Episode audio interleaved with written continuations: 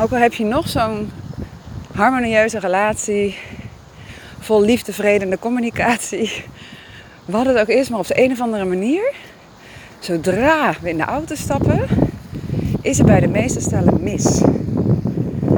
Of er wordt dan voorhand geruzied over wie er rijdt en uh, hoe er moet worden gereden. En, maar vaak gaat het mis als het gaat om navigeren.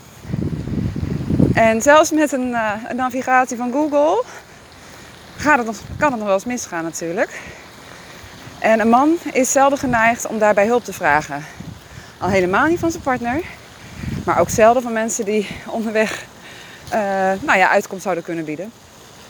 In principe is het ook zo natuurlijk dat mannen een, een, een, navigatie hebben als een postduif. Maar wij vrouwen moeten het inderdaad doen met veel minder vermogen aan navigatie. Maar accepteren dat ook. Ik accepteer tenminste van mezelf dat het op dat vlak bij mij, ja, gewoon, ik, ik schiet daar tekort in. En dan vraag ik heel snel hulp. Ik ga echt niet moeilijk lopen doen onderweg als ik iets niet kan vinden. Ik schiet de eerste de beste aan. En ik vraag gewoon om hulp. Of het nou in een bos is, in een winkelstraat of ergens onderweg. Ik heb geen zin in gezeik met mezelf, want dan ga ik mezelf lopen ergen. En ook niet een tijdverlies. Ik vind het zelfs zonde van tijd.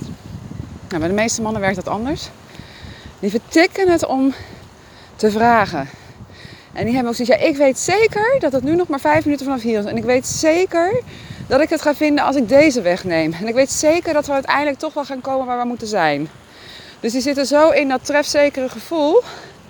Die zijn echt niet te paaien voor jouw hulp als bijrijder, bijrijder zijnde. Of um, hulp van anderen. En oh, wegenbeent als jij dan hulp gaat vragen. Dat is echt niet tof. Ook al kom je dan binnen vijf minuten op plaats van bestemming. Hij is je echt niet dankbaar. Want hij had het ook wel geweten. En hij had er ook binnen vijf minuten geweest. Dus, nou, ik noem maar even lieve dames. Even uitgaande dat de dames zich hierin herkennen. En nogmaals, er zullen absoluut dames zijn die zoiets hebben: hallo, uh, waar ben jij ons over één kam het scheren? Want ik heb wel dat ruimtelijk inzicht en dat navigatievermogen. Maar laten we wel zijn, de meeste heren hebben dat toch echt beter dan dat wij dat hebben. Alleen het probleem schuilt er dan in dat hun ego ook hoogtij viert. En dat ze dus, uh, nou, in ieder geval wel echt heel erg klem moeten komen te zitten in een of ander gebied. Dat ze er niet meer uitkomen, dat ze hulp gaan vragen.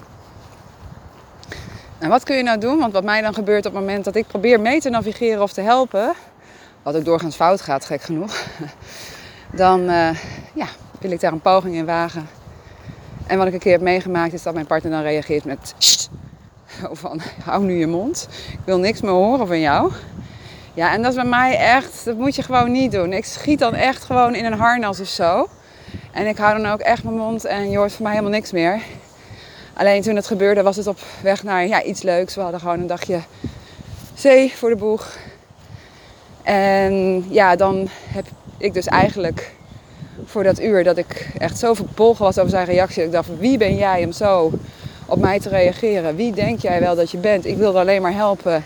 En jij doet het af met een kst, alsof ik een of andere hond ben. Nou, toen heb ik ook inderdaad echt uh, een uur lang uh, mijn mond gehouden en stilgezwegen en met een stuursgezicht vooruit uh, zitten kijken.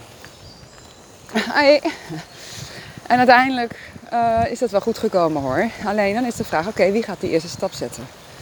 Nou, dat deed hij gelukkig in dit geval, omdat hij ook wel inzag dat hij een beetje lomp reageerde. Maar stel je nou dat hij niet de eerste stap had gezet. En daar gaat eigenlijk ook deze podcast over. Stel je ervoor nou dat hij ook voet stuk had gehouden en lekker mur voor zich uit had zitten kijken. Dan gaat het erom, oké, wie gaat het spelletje stilzwijgen winnen? Nou ja, dan heb je altijd twee verliezers, toch? En waarom zou je twee mensen die van elkaar houden, op die manier gewoon een dag waar ze alle twee zich op hadden verheugd om lekker samen te zijn, quality time te hebben, op zo'n manier verpesten door zo'n akkefietje. Maar waar het aan de grondslag ligt is ook dat de manier van communiceren, zijn manier van mij in de hoek sturen als een hond met staart tussen zijn benen, raakt in mijn waarde. En daarom gaat het verder dan zomaar een opmerking en een uurtje van zo'n dag verpesten, of wellicht een hele dag als het niet uitgesproken wordt. Het raakte bij mij een waarde. Hij was niet respectvol naar mij in zijn reactie. Hij deed alsof mijn reactie inferieur was aan zijn handelen op dat moment. En dat moet je bij mij niet doen. Ik ga altijd voor die gelijkwaardigheid. En je hoeft het niet met me eens te zijn. En je hoeft me niet te begrijpen. Maar je kan altijd vanuit respect, vanuit um, uh, ja, compassie reageren. En ehm, ja, daar liep het bij ons verkeerd. Dus daar zijn we ook uitgekomen. Hij heeft het ook absoluut wel aangevoeld. We kennen elkaar natuurlijk ook wel beter dan vandaag. En hij weet echt wel wat ik hoog heb staan en wat niet. Maar wat voor jou belangrijk is, is dat je ook weet wat heb je hoog staan. En waarom raakt iets jou. Kijk, ik wist waarom mij dit raakte, omdat het die waarde ook raakte. Ik dacht, hé, maar zo ga jij niet tegen mij praten. En op dat moment trek ik een grens, trok ik een grens door te gaan stilzwijgen. Inmiddels zal me dat niet meer op die manier gebeuren. Um, want stilzwijgen is een killer, weet je wel. Je laat ook de ander op dat moment ja, echt wel heel goed voelen.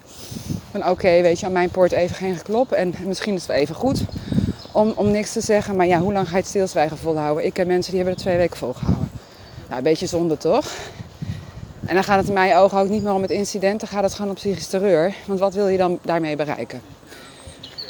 Dus ik ben er altijd voor om on speaking terms te blijven in de communicatie. En op het moment dat dat doodloopt, dat je eeuwig gaat lopen stilzwijgen, ja, dan ben je zelf van een grote verliezer. En de andere uiteindelijk ook. Hè. Wat, wat, wat is dan je winst voor jullie beiden? Lekker oorlog voeren met z'n twee, terwijl je eigenlijk van elkaar houdt. Dat is raar, toch?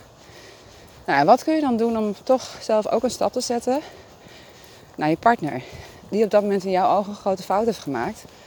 Of in ieder geval jou niet respectvol heeft behandeld. Door gewoon aan te geven wat het met je doet. Door het gewoon aan te geven. Je raakt me, wat jij zegt. Je raakt me. Je raakt ook echt een waarde en dat weet je. En ik wil echt dat je dat gewoon op die manier niet meer doet. Dat kan ook anders. En geef hem desnoods een voorbeeld van hoe jij het dan zou willen. Geef hem aan, help hem om hem ehm, een voorbeeld te geven van... Goh, misschien kun je voor te gewoon zeggen... Joh schat, ik weet zeker dat ik... Mag ik het alsjeblieft... Ge geef me vijf minuten. Ik weet zeker dat ik hieruit kom. Maar niet zo als een hond in een hoek. Het is moeilijk om te kijken van oké, wie dan die eerste stap zet. Want op het moment dat jij nog verbolgen bent over zijn nou ja, aanval, noem het maar. En hij is verbolgen over jouw stilzwijgen. Waardoor je in zijn ogen de dag al even verpest. Wie gaat dan het openbreken? Wie gaat die eerste stap zetten? Nou, dat is wel eigenlijk een heel mooi moment om te zeggen: hé, hey, ik pak dat leiderschap. Ik pak dat natuurlijk leiderschap wat in me zit en ik ga die eerste stap zetten. En niet omdat ik dan de zwakste ben, want dat denken we vaak. Hè? Ja, dan ga ik lekker tegemoet komen dat hij maar komt. We willen juist dat die ander komt, maar daardoor komen we eigenlijk in een heel passieve houding. Je zet jezelf in een, passief, uh, in een passieve houding. En op het moment dat jij in een passieve houding geraakt en dus het initiatief bij de ander laat, moet je gaan wachten. En ga je steeds meer opvreten hoe langer je wacht. Dus als jij de keuze maakt om te zeggen: Oké, ik ga het ijs openbreken en ik zet die eerste stap, dan is er altijd winst. Dan is er altijd winst, al is het maar voor jezelf. Want de vraag is natuurlijk: hoe gaat hij ermee om? Maar de kunst is ook op het moment dat je spreekt, hou het bij jezelf. En niet de vinger gaan wijzen. En jij ook altijd de manier waarop jij mij aanspreekt. Ik trek dat niet. En jij, jij, jij. En Nee. Ik vind het gewoon echt ruk hoe jij jouw reactie of hoe jij me aansprak. Dat doe je niet. Dat accepteer ik niet.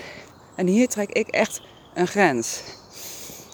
Ik zou willen dat je een volgende keer, als je ergens last van hebt, het zo en zo en zo doet. Zo simpel is het. Jij mag daar echt een grens trekken. En hij mag daar duidelijkheid in krijgen. Sterker nog, de meeste mannen en trouwens ook vrouwen vinden het fijn om duidelijkheid te krijgen. Duidelijkheid geven aan elkaar is ook echt wel een magische sleutel in de relatie. Dus ja, waarvoor kies jij?